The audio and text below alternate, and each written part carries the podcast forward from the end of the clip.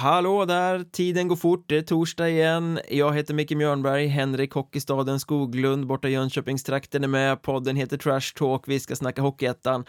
Precis allt är som vanligt och det känns ju ganska hemtamt och gött. Ja, det, man, man, vet vad man får, helt enkelt. Vi vet vad vi ska göra på torsdagar, kort och gott. Mm. Uh, igår var det onsdag, då togs uh, eh, JVM-truppen ut. Satt du uh, bänkad där vid lunch och, och, såg fram emot att få höra vilka namn som skulle komma med? Ja, jag hade faktiskt tänkt göra det. Sen bara glömde jag bort det och sen såg jag något pressmeddelande flera timmar efteråt. Eh, uh, JVM-truppen, jaha, just det ja.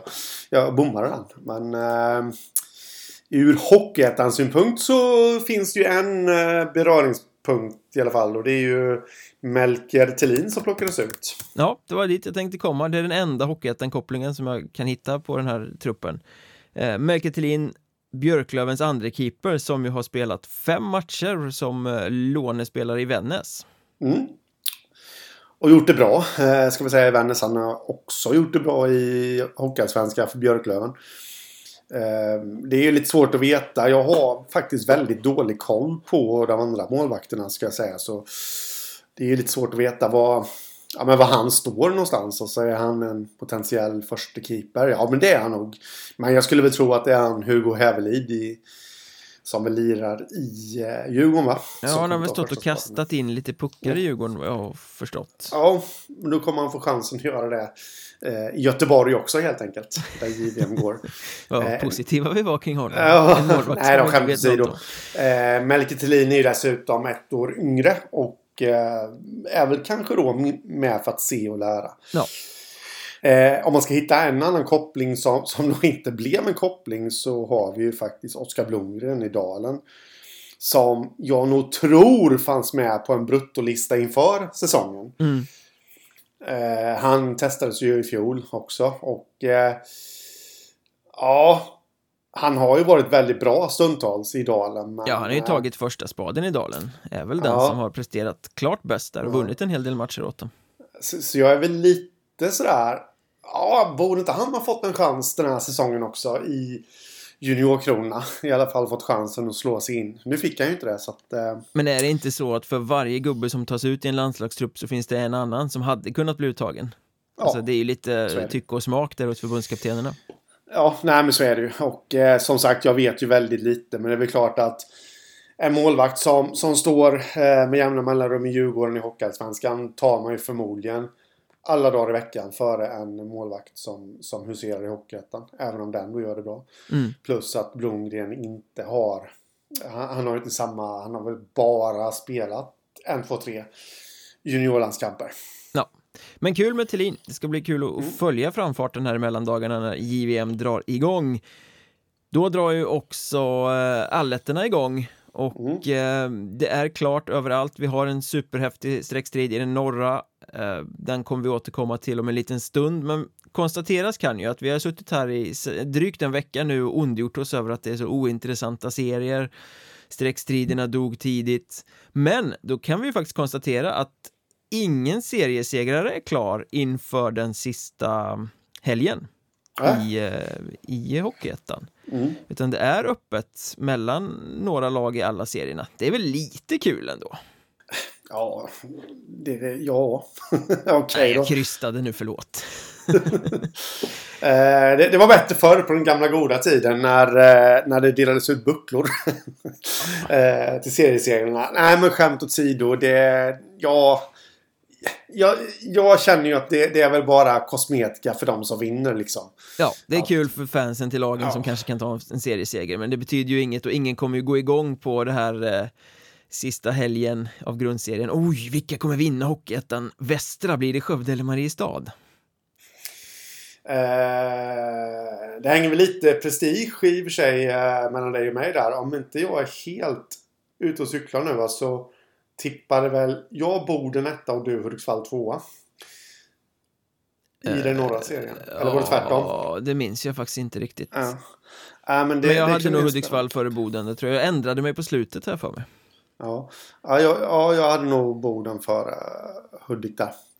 Så det, det har jag ju krystat det. Ja, nej, men i det norra så är det en uppgörelse mellan Boden och Hudiksvall. Piteå har väl en marginell chans, men ja, det ska väl mycket till. I södra så är det Karlskrona och Kristianstad som gör upp om seriesegern. I västra Skövde och Mariestad, eh, rivalerna, det kan väl vara lite festligt i och för sig. Mm. Och i den östra så är det Brödernas Väsby och Hanviken som gör upp om seriesegern. Ja, eh, så är det. Och ehm, ja, man får ju nästan ta och sätta en fiaskostämpel på Mariestad i varje fall om de inte vinner serien.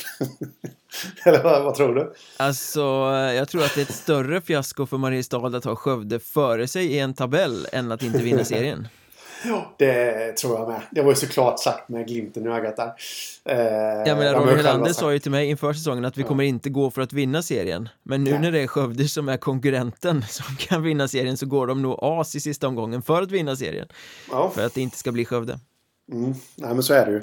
Och eh, Mariestad och Mjölby, det är ju ett gäng de ska kunna dra på rätt rejält emot. Medan Skövde har Lindlöven. Ett Lindlöven som ja, väl blandar och ger lite grann men eh, ändå känns stabila när de väl är påkopplade på allvar. Om man Ja, säger så. så ja. det, det kan nog bli en tuff uppgift för Skövde.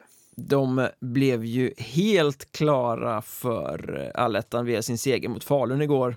Mm. De var ju i praktiken klara nästan innan också eftersom att Forshaga behövde hämta in så sjukt många mål också. Mm. Eh, Så att jag menar Skövde mot Lindlöven, den är, Lindlöven bryr väl sig inte om hur det går där. Det, det är en match som bara ska spelas av och eh, de kommer hamna i olika allettor efter jul så att jag tror att det blir rätt avslaget.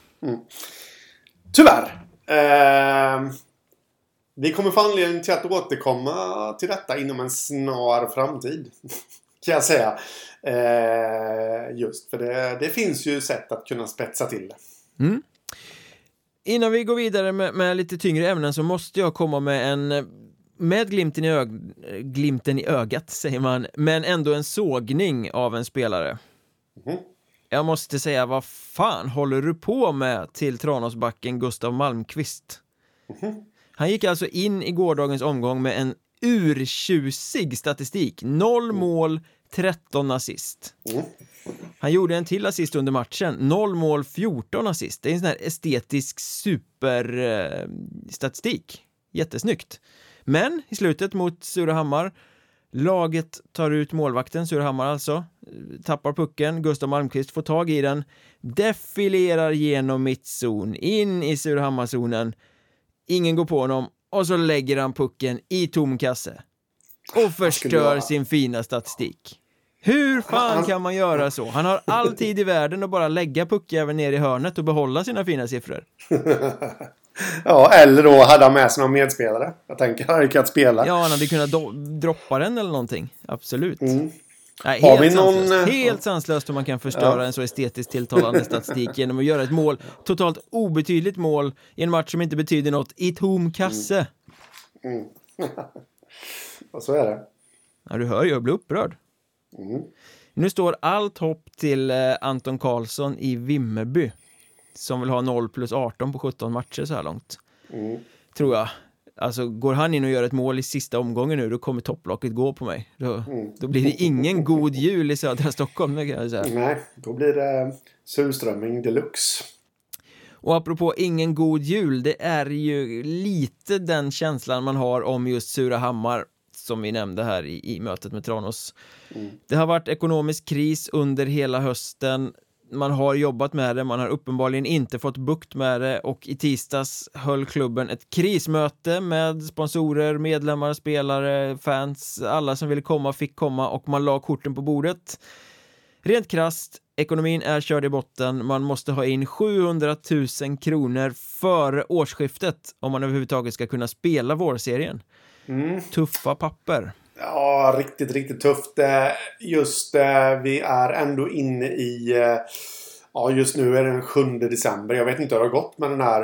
eh, Hur mycket pengar de har fått ihop hittills. Men 700 000 känns jättetufft på mindre än en månad. Och ju, min första tanke när jag såg det, det var... Nej, det är kört. Eh, för jag, jag känner någonstans att hade det här varit Troja, ja men då hade det kunnat gå. Det har ju gått tidigare också. Hade det varit eh, ja, Mörrum och de här, ja möjligt att det hade kunnat gå. Men just Surahammar, ja men de har sina trogna fans men de kanske inte har så mycket mer. Det, det är inte riktigt den bassen kring dem. Nej. Nej, nej, det här kommer ju inte att kunna räddas av fans och medlemmar. Eh, jag tror inte att det finns en skramlingspotential, framförallt inte i december. Nej. Det lackar mot jul. Är det någon gång folk har trögt i ekonomin så är det väl nu man ska köpa julklappar och det ska firas och, och det liksom brukar bli tunt i plånboken den här tiden på året. Eh, väldigt svårt läge, så ska Surahammar räddas här så tror jag att det behövs en stor sponsor som går in med pengar, ett företag. Mm. Eh, och det borde ju redan ha hänt, om det skulle hända, liksom, när de har jobbat med det under hösten. Ja, nej, men absolut så är det. det Lidström och Salo får gå ihop. eh, och eh, rädda lite av lokalhockeyn där i alla fall, eh, i området. Mm. Men det är väl så också att det är ju inte bara de här 700 000 utan det är ju det, det krassa, det måste in för att de ska kunna spela vårserien annars måste de dra sig ur vid mm. årsskiftet. Men på sikt så har de ju skulder och sånt också förstod jag det som, eller lån som det ska betalas på. Så att de måste ju ha in, ehm, alltså för att bli friska så måste de ha in över en miljon. Ehm, så jag menar det här 700 000 är ju bara en brandkårsutryckning för att rädda nuläget. Det innebär inte att Surahammar är en frisk förening som kan blicka framåt för det. Nej. Så det är ju avgrundsdjupt. Ja, nej men så är det. Och det är väldigt tråkigt. Jag får lite vibbar av eh, Nyköping säsongen 13-14 här.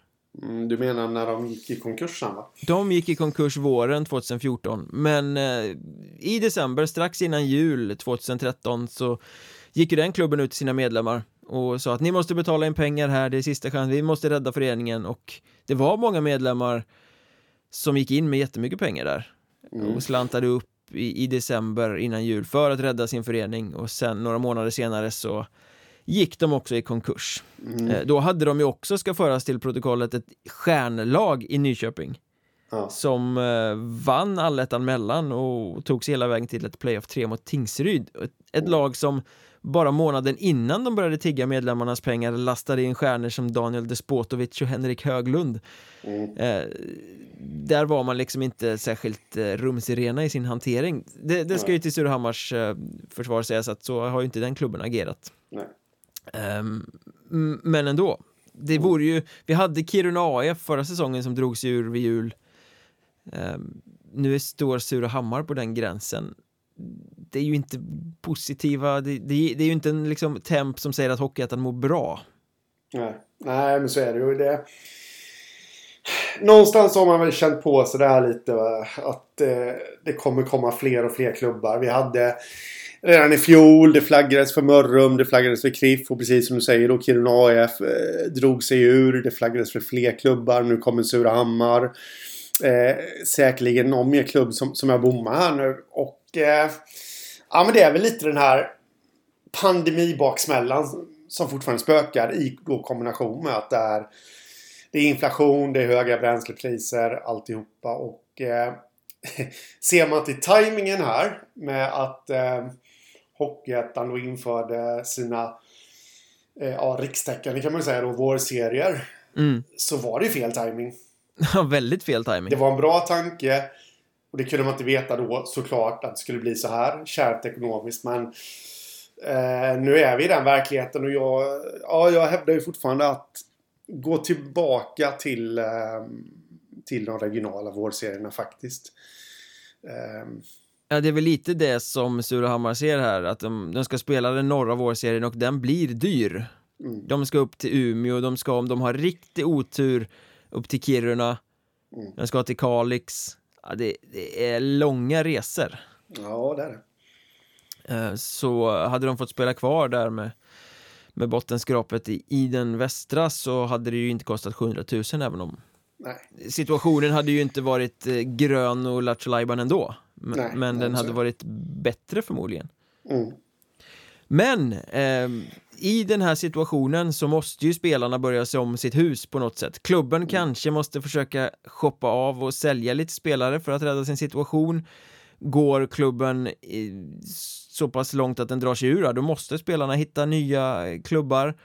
Vissa kommer nog göra det för de kan inte sitta och vänta fram till jul och, och så här, kommer klubben klara sig eller inte utan vissa kanske måste ut och leta sig nya klubbadresser. Mm. Eh, och då blir det ju lite av Surahammars smörgåsbord och det kommer vi i morgondagens Patreon-avsnitt att djupdyka i. Eh, det är ju så numera att vi lägger inte Patreon-bonusen på torsdagar utan vi bryter ut den, gör ett helt fullängdsavsnitt på fredagar istället och där kommer vi då alltså diskutera var, vilka spelare kan tänkas lämna Surahammar i den här situationen och var kan de tänkas hamna?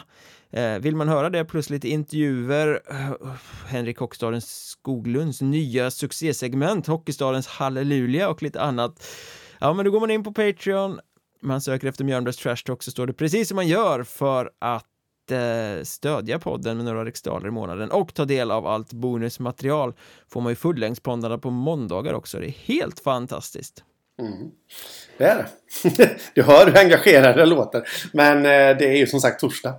Eh, ja, du menar så. du längtar redan till imorgon när det är fredag och vi får ett nytt fredags trash talk helt enkelt? Ja, ungefär så. Igår var det onsdag och sent på kvällen kom en nyhet att Vimmerby lånar ut sin back Oskar Lindgren till Malmö i SHL mm. för kvällens match mot Linköping. Ja, det ska bli spännande att se. Jag tycker faktiskt att... Eh, jag tycker faktiskt... Jag vet inte, jag har bara känslan över att SHL har blivit lite avslagen. Jag, jag vet inte varför. Uh, SHL har väl alltid varit avslagen? Ja, ja, men nu känns det lite mer än vanligt. Uh, men den matchen vill jag nog faktiskt se. Bara för att se Lindgren, hur han står sig. Uh, vi har varit inne på det 3000 gånger innan. Att alla Hockeyettan-spelare i stort sett Ja, inte alla, men, men en, väldigt, väldigt många Hockeyettan-spelare kan gå in i SHL och göra en, två bra matcher. Mm. Eh, nu är det väl bara den här matchen han är inlånad till. Men det ska bli väldigt intressant ändå att se hur han står sig. Och jag hoppas att han får speltid. Ja, tidigare under säsongen har han ju varit utlånad några matcher till Västervik i Hockeyallsvenskan. Mm. Eh, och gjort det så bra att de ville köpa loss honom, men fick nej av Vimmerby. Där han ju är supporterspelare också.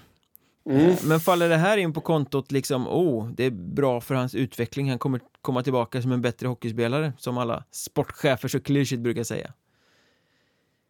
Nej, det här är nog en... Eh, det här är nog en grej för hans egna karriärs skull skulle jag tro.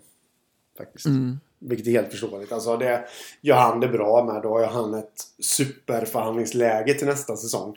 Eller till och med kanske till den här säsongen då. Att, att kunna bli lossköpt av Malmö. Som, jag menar Pelle Johansson kan ju inte tacka nej till ifall de kommer och slantar upp eh, mer pengar än vad Västervik gjorde. Malmö har ju lånat från Hockeyettan förr faktiskt. Jajamän. De hade ju in William Kaiser, nu kommer jag inte ihåg vilket lag han spelade i då. Eh, men ja, han det var och, Enköping eller något däråt. Och Anton Johansson va? Eller vad hette han? Det var en annan back också. Som de lånade in från Hockeyettan. Mm. Du menar han som är i Danmark nu? Jag har ingen aning om vart han är nu. Jag vet bara att det var eh, Kaiser och han i ett paket liksom som lånades in till Malmö i några matcher. Ja, nej, det ska du ha koll på. nej. Eh, ja du, jag är lite... Jag måste, nu, nu måste jag tänka lite här. Eh, oklart faktiskt. Jag kommer ja. inte på det. Men man, man, kan vrida lite på det här konceptet för sportchefer säger ofta så här, men det är bra för spelaren, det är kul för spelaren, det är bra för hans utveckling att få komma till några matcher på lån till högre nivå. Men är det inte så att hela det resonemanget bygger på något sätt på att spelare skulle vara robotar? Att det bara handlar om utmaningen och skillsen och eh, liksom spelet. Jag tänker att det finns ju en baksida i det här också. All den här typen av lån när du skickas till höger och vänster och får känna på högre nivå och sen tillbaka igen. Det sätter ju också igång tankeprocesser hos spelarna. Kan man inte bli en sämre spelare av att plötsligt börja tänka på en massa andra saker och ha en massa distraktionsmoment runt omkring sig? Nej, inte i de här lägena som vi ser nu, tror och tycker jag. Eh, men jag ser det enbart som en boost faktiskt. Däremot om, om vi har liksom en situation, jag vet ju att nu får vi backa tillbaka bandet jättelångt tillbaka i tiden här, säsongen 14-15. Där Viktor Kokman eh, åkte som en skottspole mellan Smedjehov ute i Norra Hammar och eh, eh, Kinnarps Arena som det hette på den tiden. Inne i Jönköping. Han tränade med HV, spelade matcher med Dalen. Fick, alltså han var överallt och ingenstans ungefär kändes det som. Var det den säsongen det... han fick en puck i huvudet och, och hamnade i en känd eh, Twitter-beef med Sara Larsson? Jajamensan, ja. det stämmer det. Eh, det blev rörigt för honom. Han, han, men jag menar, blir du inlånad till en, två, tre matcher under en kortare period och du slipper fara fram och tillbaka. Då, jag har väldigt svårt att se att det finns något negativt med det, om man ska vara helt ärlig. Mannen som älskar lån har talat. då... ja, men alltså, men om man nu då ska blicka det och hitta något negativt här då. Eh, det är ju att går du in och gör en platt match. Det kan ju påverka självförtroendet. Och nej, jag trodde att jag var redo för Allsvenskan. Och, ja, men, förstår du vad jag menar? Mm. Och då kanske det kan vara av ondo, men jag tycker inte riktigt att man har märkt den. Att vi har några exempel på det. Nej. Eh, vi kan ju konstatera att Oskar Lindgren är en väldigt bra back. Det är ju inte en slump att han lånas ut till först Västervik och sen Malmö. Att eh, större nej. klubbar vill titta på honom liksom. Ja, nej men så är det. Vi rör oss vidare. Mjölby har haft en målvaktsrokad i veckan när mm. Eh, rutinerade Simon Suravski valde att kliva av. Bristande motivation var eh, argumentet för att inte spela vidare utan bryta kontraktet och in i hans ställe kommer istället the biggest showman you will ever see mm. Alexander Heiskanen är tillbaka i Hockeyettan mm. eh, Jag tror att eh, detta kommer bli eh, bra för Mjölby. Det är ett gigantiskt uppköp för Mjölby. Ja, det är det. Eh, de behöver... Jag vet inte om man kan kalla herr Alexandri för en trygghet i och för sig. Men... det kan man inte göra. Nej, men, men ändå på något sätt så vill jag ändå dra det där åt att det kommer bli lite tryggare på målvaktssituationen. Han kan göra lite mer räddningar för dem. Eh, han är helt enkelt bättre. Ja, rent var... krasst så har ju Simon ja. inte varit Hockeyettan-mässig. Nej. Eh, han var och... avstängd några matcher för dåligt språkbruk på isen eh, och när han väl har spelat så har han ju inte han har inte rosat marknaden, han har inte räddat puckarna som har gjort att Mjölby har kunnat vinna matcherna. Det är liksom eh, statistiken 87 lite drygt i, i räddningsprocent och ett GAA på 4,77 över sju matcher. Den talar sitt tydliga språk. Ja, det är ingenting man skrämmer små barn med. Helt enkelt. Eh, och där tror jag, där, där kommer de få en uppgradering helt klart. Sen ska vi ju också föra till protokollet då att det... Eh, alltså... Mjölby har ju inte varit bra över hela försvarslinjen.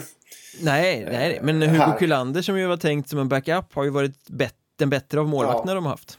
Ja, så är det och då, det kommer ju som sagt bli en uppgradering här när han kommer in också. Och eh, kan styra upp sin backlinje lite mer också. Mm. Och när man, när man hänvisar till bristande motivation, det säger vi lite också om eh, Alltså, man är inte nöjd med att det går inte bra, det är inte kul Nej. Då är det ju rimligt att byta målvakt Ja, på något så sätt. är det. Mm. Sen är ju Heiskanen, det är ju en fladdrig typ eh, Men han kommer nog faktiskt kunna locka en och annan extra åskådare till Den heter Pro Train va? Arena Ja, jag tror det för han ljuger ju inte. Det var ju när han kom till Kiruna AF som han eh, beskrev sig själv som the biggest showman you'll ever see och det har han ju levt upp till under sina säsonger i Kiruna. Ehm, han liksom kastar sig och gör vansinniga slidningsräddningar och sen var det väl Vilken match var det? Det var någon straffläggning va? Där han tog sista straffen och sen åkte och tokjublade framför motståndarbåset Sån där värmande hån som vi vid sidan av älskar Ja, ja, ja så han kommer nog fladdra omkring även nere i Mjölby och eh, göra lite kul att gå på hockey i vårserien. Mm.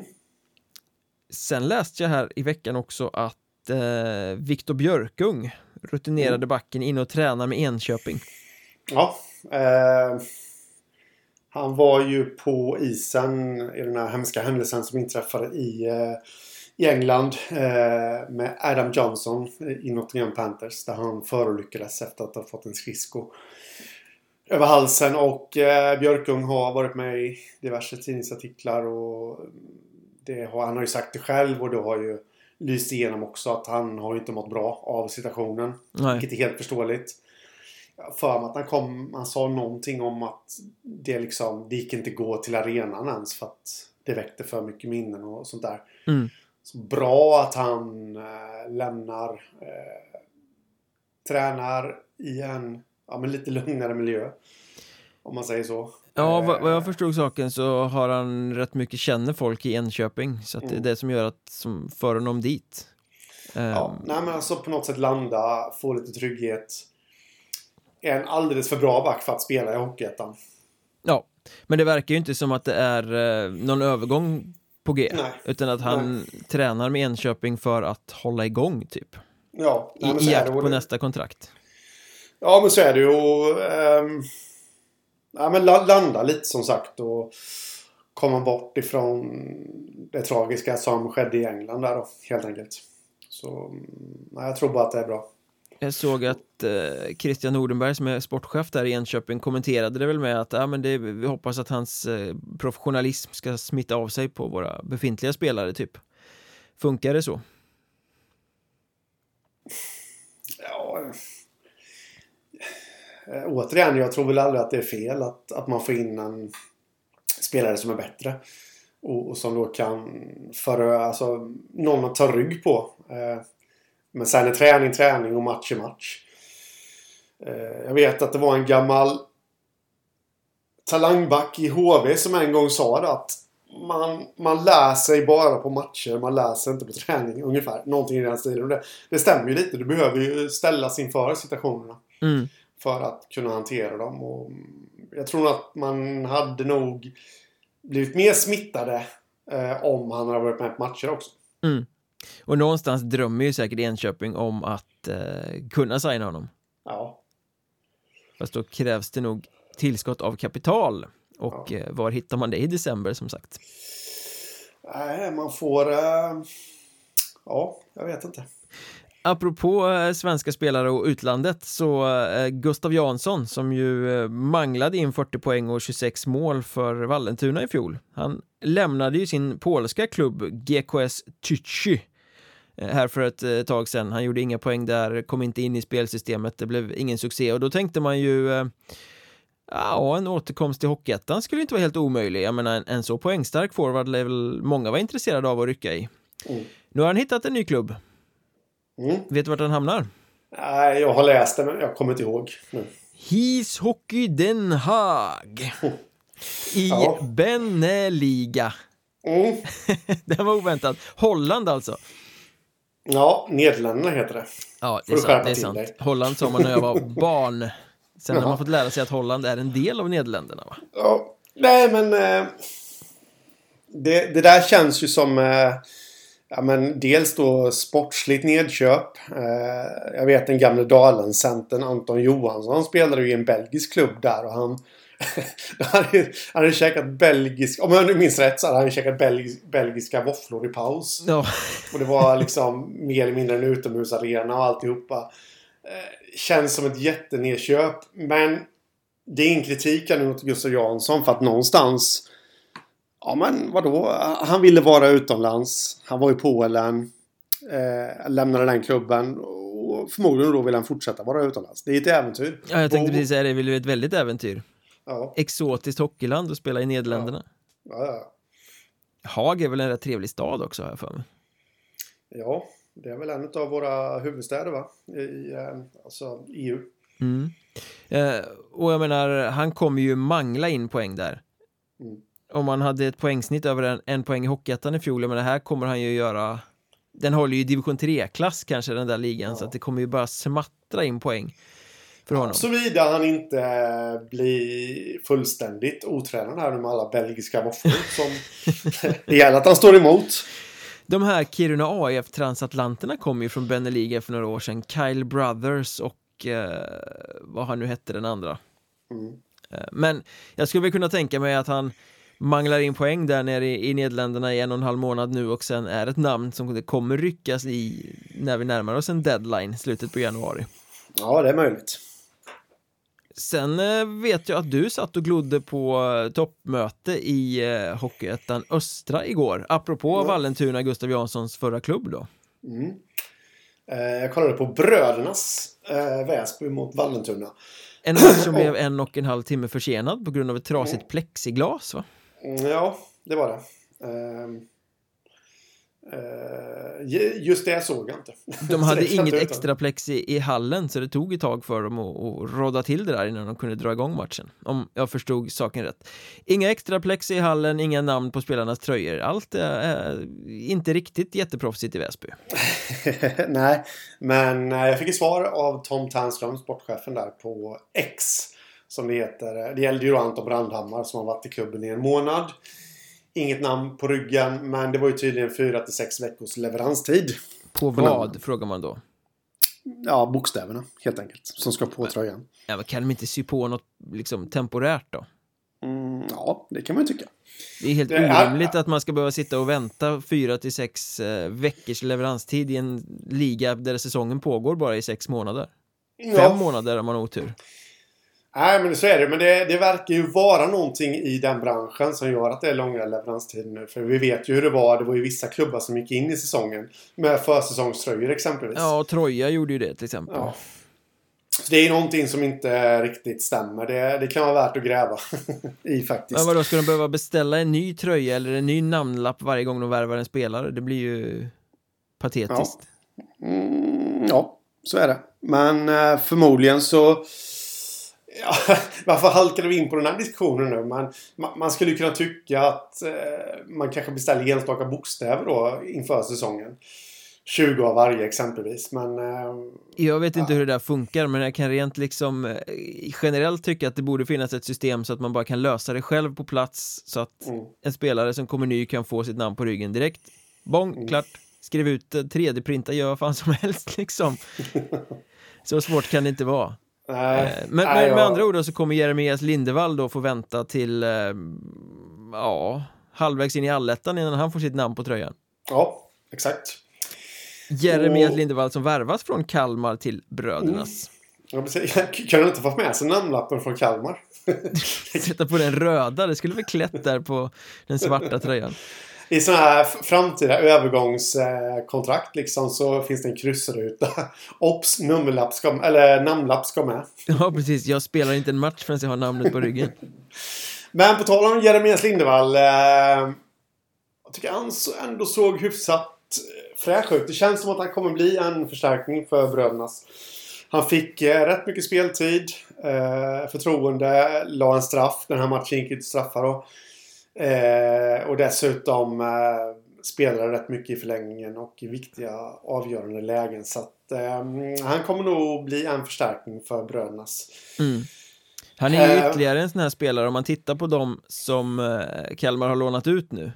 Mm. Eller som har brutit och gått någon annanstans. Jag menar vi har Mika Onasvuori utlånat till Troja, Jesper Broeng har varit runt lite. Eh, vi hade, vem var det mer? Sebastian Borg som mm. ju har varit succé i KRIF och nu kallas tillbaka till Kalmar i och med att Jeremias Lindevall gick till Brödernas. Mm. Eh, KRIF har ju försökt spela det där som att han bara inte är med i slutet av grundserien men det skulle ju vara ett jätteslag för dem om han inte kommer tillbaka till allettan. Ja, Ja, men så är det. Så är det absolut. Men det jag skulle komma till var ju att de här spelarna som rör på sig från Kalmar är ju sådana som värvades till Kalmar inför säsongen när de fortfarande var ett hockeyettan-lag. Mm. Det dröjde innan Jeremias Lindevall presenterades av klubben, men han var klar tidigt. Han skulle ta klivet från Hockeyallsvenskan Östersund där det inte hade lossnat för att ta en större roll och få igång det i Kalmar.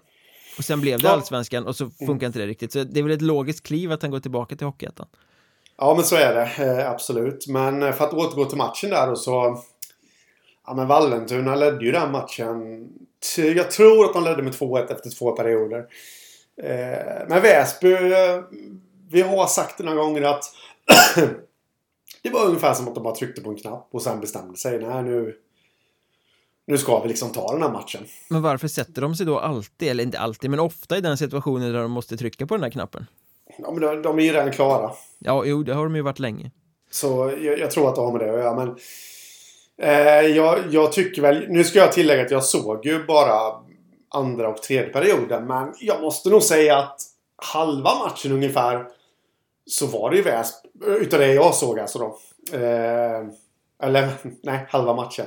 En och en halv period utav det jag såg. Så tycker jag nog ändå att det var Väsby som hade taktpinnen och tryckte på. Eh, skapade chanser men kom inte riktigt hela vägen in på mål. Och det var det där lilla sista som fattades. Så det som kom fram var ju August Hedlund helt magnifik i Vallentuna-målet. Mm. Det är absolut han som eh, räddade en poäng skulle jag säga. Men också då, vi har sagt det förr, Jussi Salo har satt någonting i Vallentuna. Han har satt linjer för dem att förhålla sig till och eh, det tror jag var den stora anledningen till att Väsby faktiskt inte kom närmare in på mål. Att det var det där, det kändes då som att det var det där lilla sista som saknades. Så Känns lite så här Halmstadaktigt. Eh, Väsby försöker med lite kluriga uppspel. Ja men nog tusan var det en klubba där i vägen. Mm. De låg tätt på Väsby-spelarna och alltihopa där. Så jag imponerades faktiskt av Vallentuna väldigt mycket hur de tog sig an den här matchen. Var Love Bergvall som de värvade från KRIF med att spela? Mm, det var ingenting jag noterade faktiskt. Nej. Eh, där hade vi ytterligare en spelare som lämnar KRIF då, för övrigt, Mm. och hamnar i Vallentuna. Ehm, ja, men känns de uh, allettan redo då? Ja, men jag tycker det. Jag, jag tycker att de har den... Eh, det är liksom inte eh, tur att de har gått så här bra. Utan det är ju att man, man gör det man ska. Mm. Spelarna köper sina roller etc. etc.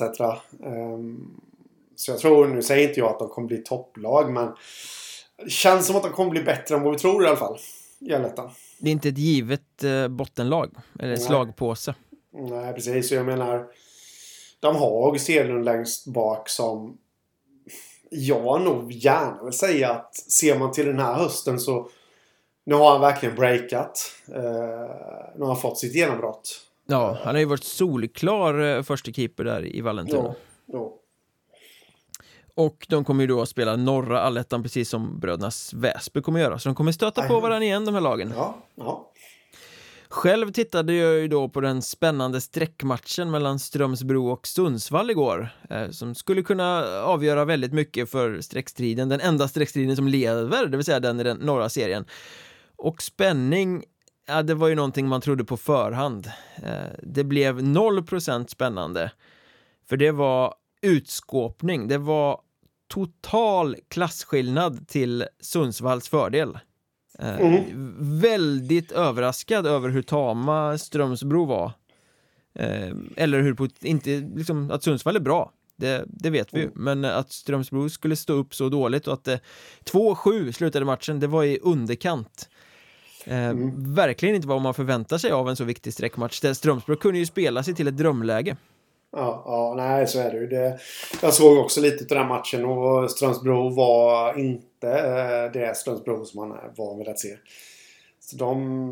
Mm, Nej men jag menar, i, i, i så här viktiga matcher, det är väldigt sällan man ser att det är sån klasskillnad mellan Ja. lagen. Det senaste Ja, jag kan absolut. påminna mig är, eh, det är några säsonger sedan nu när Halmstad Hammers bucklade på Tranås med typ 9-0 eller något sånt där i en Mm. tredje direkt avgörande match i play-in. Mm. Då var det lika stor klasskillnad, men då var ju Tranås totalt utslitna efter en säsong med eh, liksom skador och sjukdomar och de gick kort om folk och de hade stridit och liksom det fanns ingen bensin kvar i tanken. nej. Eh, här i Strömsbros fall kan man inte skylla på det utan det här måste ju ha varit en mental härdsmälta. De vann inte en Mm. närkamp, de kunde inte slå en vettig passning i egen zon. De spelade fast sig, de var drälliga med pucken. Alltså, Mm. Ingenting vettigt fanns i spelet. Nej, så är det. det. Det känns ju som att det var matchens karaktär som gjorde att det låste sig helt enkelt för dem. Ja, de klarade inte mentalt att, att Nej. eh, liksom, den eh, situationen som var. Det, det var ganska talande en, en situation i första perioden. Jag vet inte om det stod 0-2 eller 0-1 eller ja, de hade hamnat i underläge men jag vet inte riktigt vad ställningen var. Mm. Men Mikael Hansson som ju ska vara en av stjärnorna i laget, eller liksom ledande offensiv i alla fall, Mm. fick en smäll i egen zon. Det var inte så att han blev skadad utan han var väl bara lite sur på att han fick en smäll. Så han Mm. låg kvar länge, blängde omkring sig, Mm. reste sig sävligt upp. Allting medan Sundsvall spelar anfallsspel liksom. Så de håller på att trycka på, han ligger där, åh, blänger och tittar, åh, nej, nu ska jag resa mig upp. Och sen blåser domarna av för det blir blockering eller något. Då åker han snabbt fram för att gnälla på att han inte fick något med sig. Det var liksom Ja. talande för hela Strömsbro på något sätt. De var, Ja. fokus var på fel ställen, de var långsamma i spelet, de var inte där de skulle och tog markering. Mm. Ja. Nej, det, nej, det får inte se ut så. Sen är det väl kanske någonting med avgörande matcher på hemmaplan för Strömsbro, för det var ju, wow, när kan det ha varit? Säsongen 21-22 va? De hade mm. allt i egna händer i en sträckmatch i slutet på grundserien, sista omgången, Hudik hemma. Hade de vunnit så hade de gått till allettan. Mm. Och då fanns noll inställning. Stjärnspelarna åkte och tog Siljansvängar för att slippa bli tacklade och de förlorade den matchen. Mm. Så Strömsbro ska inte spela avgörande matcher på hemmaplan. Mm. Sen kommer man ju inte ifrån eh, liksom att Sundsvall gjorde det bra. Mm. När de väl fick initiativet från start sen så är de ju När de spelar den hockeyn de gjorde igår så blir de svåra att möta. Ja. Bra passningar i fart, bra i det fysiska spelet, samspelta, bra tyngd. Liksom. Hade det inte varit för att de satte fler skott i plexit än på kassen så hade de ju vunnit med 10-0 i den här matchen, eller 10-2 liksom. Ja, så är det. Nytt hattrick av Sebastian Kaiser, första linan där som man har med Johan Lindholm och eh, Filip Wiberg är ju jättekul att se. Mm. Eh, och eh, ja, men Strömsbro hade tagit timeout och bytt målvakt innan åtta minuter var spelade. Det säger väl egentligen allt om den matchen. Ja. Och nu blir det ju en spännande streckstrid istället. Mm. Sundsvall blev klara för allettan i och med segern i Gävle och eh, Ja, sista helgen. Strömsbro eller Kiruna IF till allettan. Strömsbro fortfarande i pole position, 28 poäng och minus 3 i målskillnad. Kiruna IF har 26 poäng och plus 7 i målskillnad. Lagen möts i Lombiahallen på lördag. Mm. Då, alltså, ja. två, två Nervikslag då, får man ju faktiskt för att vara lite elak säga. Ja, verkligen. Eh, så, ja, det, det, kan bli en oerhört spännande kamp. Faktiskt. Vad är din spontana känsla inför den? Vilka tar det? Man tror ju att Kiruna kommer ta det i kraft av hemmaplan så därför tar väl Strömsbro det helt enkelt. Ja, och man måste ju ställa sig frågan efter gårdagen om Strömsbro inte kan hantera Sundsvall i en sån match på hemmaplan. Mm. Hur ska de mentalt kunna hantera en måste-match eh, i Kiruna? Mm. Ja, nej men det... Men frågan är ju hur andra sidan Kiruna hanterar det. Det är också en sån sak som... Ja, det känns ju som att det är två lag som inte kommer vilja vara på isen. Ja, ungefär. Kiruna som också hade möjlighet att sätta sig i ett guldläge men tappade två poäng mot Clemensnäs förra helgen. Ja. Och efter den här matchen så har ju båda lagen då matcher på söndagen också. Då tar Kiruna IF emot Hudiksvall och Strömsbro åker vidare till eh, ett Kalix som inte har någonting att spela för.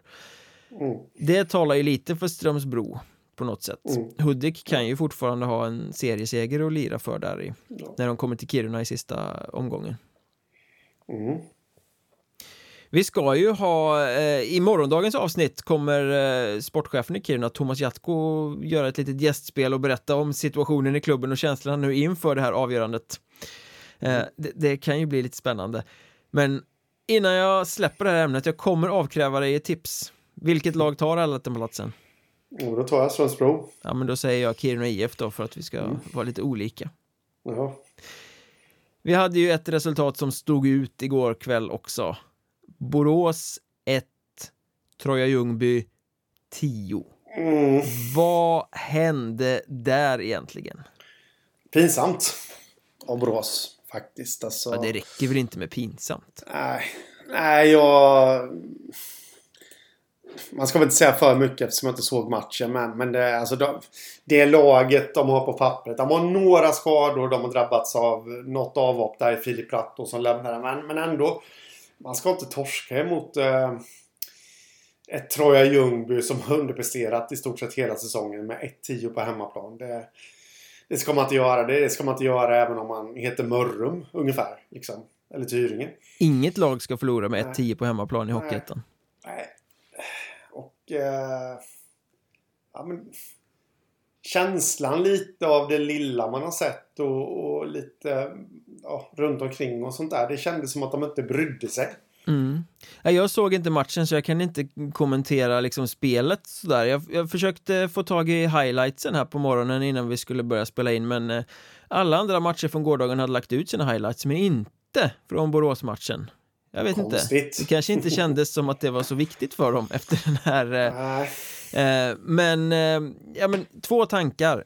Ett är ju naturligtvis befinner sig Borås i ett fullständigt sammanfall eh, mm. och den andra Ja, var det kanske så att Troja kunde sänka axlarna nu när allettan-platsen är bränd? De har haft press på sig hela hösten, de har inte fått med sig resultaten. Eh, nu när det var kört så kunde de liksom sänka axlarna och köra.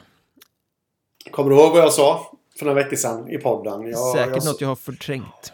Ja, nej men jag sa ju det att eh, jag tycker man märker det lite på Troja att när det är mer eller mindre kört i enstaka matcher då kommer de igång. Då blir de desperata. Eh, att de vaknar för sent hela tiden liksom. Mm, precis. Jag, jag vet att jag tycker man ser det lite. Man har sett det tidigare år på andra lag också som har underpresterat. Att eh, när de hamnar i ett 0-2 underläge liksom. Det är 10 minuter kvar matchen. Då börjar de köra. Mm. Eh, nu var loppet kört. De allettan för Troja. Då börjar de köra. Eh, det är därför jag inte är helt övertygad om att eh, när serierna då börjar om efter jul där. Att de faktiskt kommer vara så himla bra i vårserien heller. För då har de, då har de press på sig igen. Mm. Då ska allting funka och, och folk kräver ju nästan att, att de ska vinna den serien. Eh, och ser man då till hur det har varit på hösten så, så ja, kan det nog se likadant ut. Eh, efter jul. Men Borås var det vi skulle prata om. Ja, men så du tror ändå lite på teorin där att Troja kunde köra för att de hade sänkt axlar? Ändå? Ja, det var ingen press ja, på dem liksom? Ja, nej det tror jag helt, helt övertygad om det. Mm. Men Borås ja? Ja. Um, ja. Nej, det är alarmerande äh, faktiskt. Äh, du var inne på det liksom. Är det ett sammanfall vi ser eller vad är det som händer? Liksom? Det är den raka motsatsen till vad vi såg i Borås förra året. Då mm. startade de med några storförluster och fick inte alls ihop det. Sen kom Barolin och resten är historia. De fick ihop spelet och förlorade knappt en match eh, resten av säsongen. Ja. Nu har de misslyckats i grundserien. De började spela väldigt bra, fick inte med sig poängen. Sen har det bara blivit sämre och sämre. Och så det här sammanfallet då. Mm. Det pekar ju käpprätt utför. Mm pekar åt sydväst helt enkelt. ja, eh, precis. Eh, och eh, ja, jag vet inte vad man säger. Vi har varit inne på det. Vi, vi har ju inte trott på tränarlösningen. Nej. Och, och nå, någonstans så får man ju misstanken då. Detta är ju bara en spekulation. Men när det ser ut som det har spelarna liksom tappat förtroende för tränaren? Eller vad, vad är det som har hänt? Man kan ju dra en parallell här. Vi såg för någon månad sedan, eller tidigare under hösten i alla fall, hur HV71 spelare bara slutade spela och la ner det fullständigt, förlorade med 0-8 och blev liksom tokförnedrade hemma mot Malmö. Mm. Ja. Det var spelarnas sätt att effektivt slå spiken i Thomas Montén-kistan. Eh, mm. Han fick väl sparken någon dag senare. Gjorde Borås spelare samma sak mot Fredrik Eriksson här? Ja, det vet man inte, men det är just den parallellen jag också tänker på. Det ser ju lite likna, likadant ut. Mm. Ehm, så på något sätt så måste Borås agera. Antingen är då får ju eh, den sportsliga ledningen kliva ner i omklädningsrummet slå näven i bordet att vi har full förtroende för Fredrik Eriksson. Han ska vara kvar hela säsongen. Punkt slut. Eller så får de ju agera och eh, byta tränare. Om det nu alltså beror, beror det på det jag får ju intrycket att det här är en grupp som inte fungerar. Lagbygget eh, ser ju väldigt intressant ut på pappret. Det finns en anledning till att det var många som hypade dem inför säsongen, trodde nu ska Borås bli ett allettan-lag. De har härlig offensiv, de har härlig fysik, eh, de har allting liksom. Sen har de inte fått ihop det alls, eh, så att någonting i den här gruppen fungerar ju inte. Det finns ju inte happy happy här liksom, utan det är ju någonting som skaver. Så jag tror oavsett om det är Fredrik Eriksson som coachar laget efter jul eller inte så tror jag att vi kommer få se ganska stora omrumsteringar i truppen. Ja. Filip Bratt är inte den sista spelaren som lämnar så att säga. Nej, nej så kan det nog bli. Och ja, vad har de i sista omgången? Det spelar inte så stor roll kanske, men de måste ju hitta något positivt här liksom. De kan ju inte gå ur gå ur grundserien med flera ras. För det handlar ju om en, en liksom, de måste ju få publiken med sig också inför inför vårserien. Där de ju ska vara ett topplag så det är press på dem också precis som det är på Troja.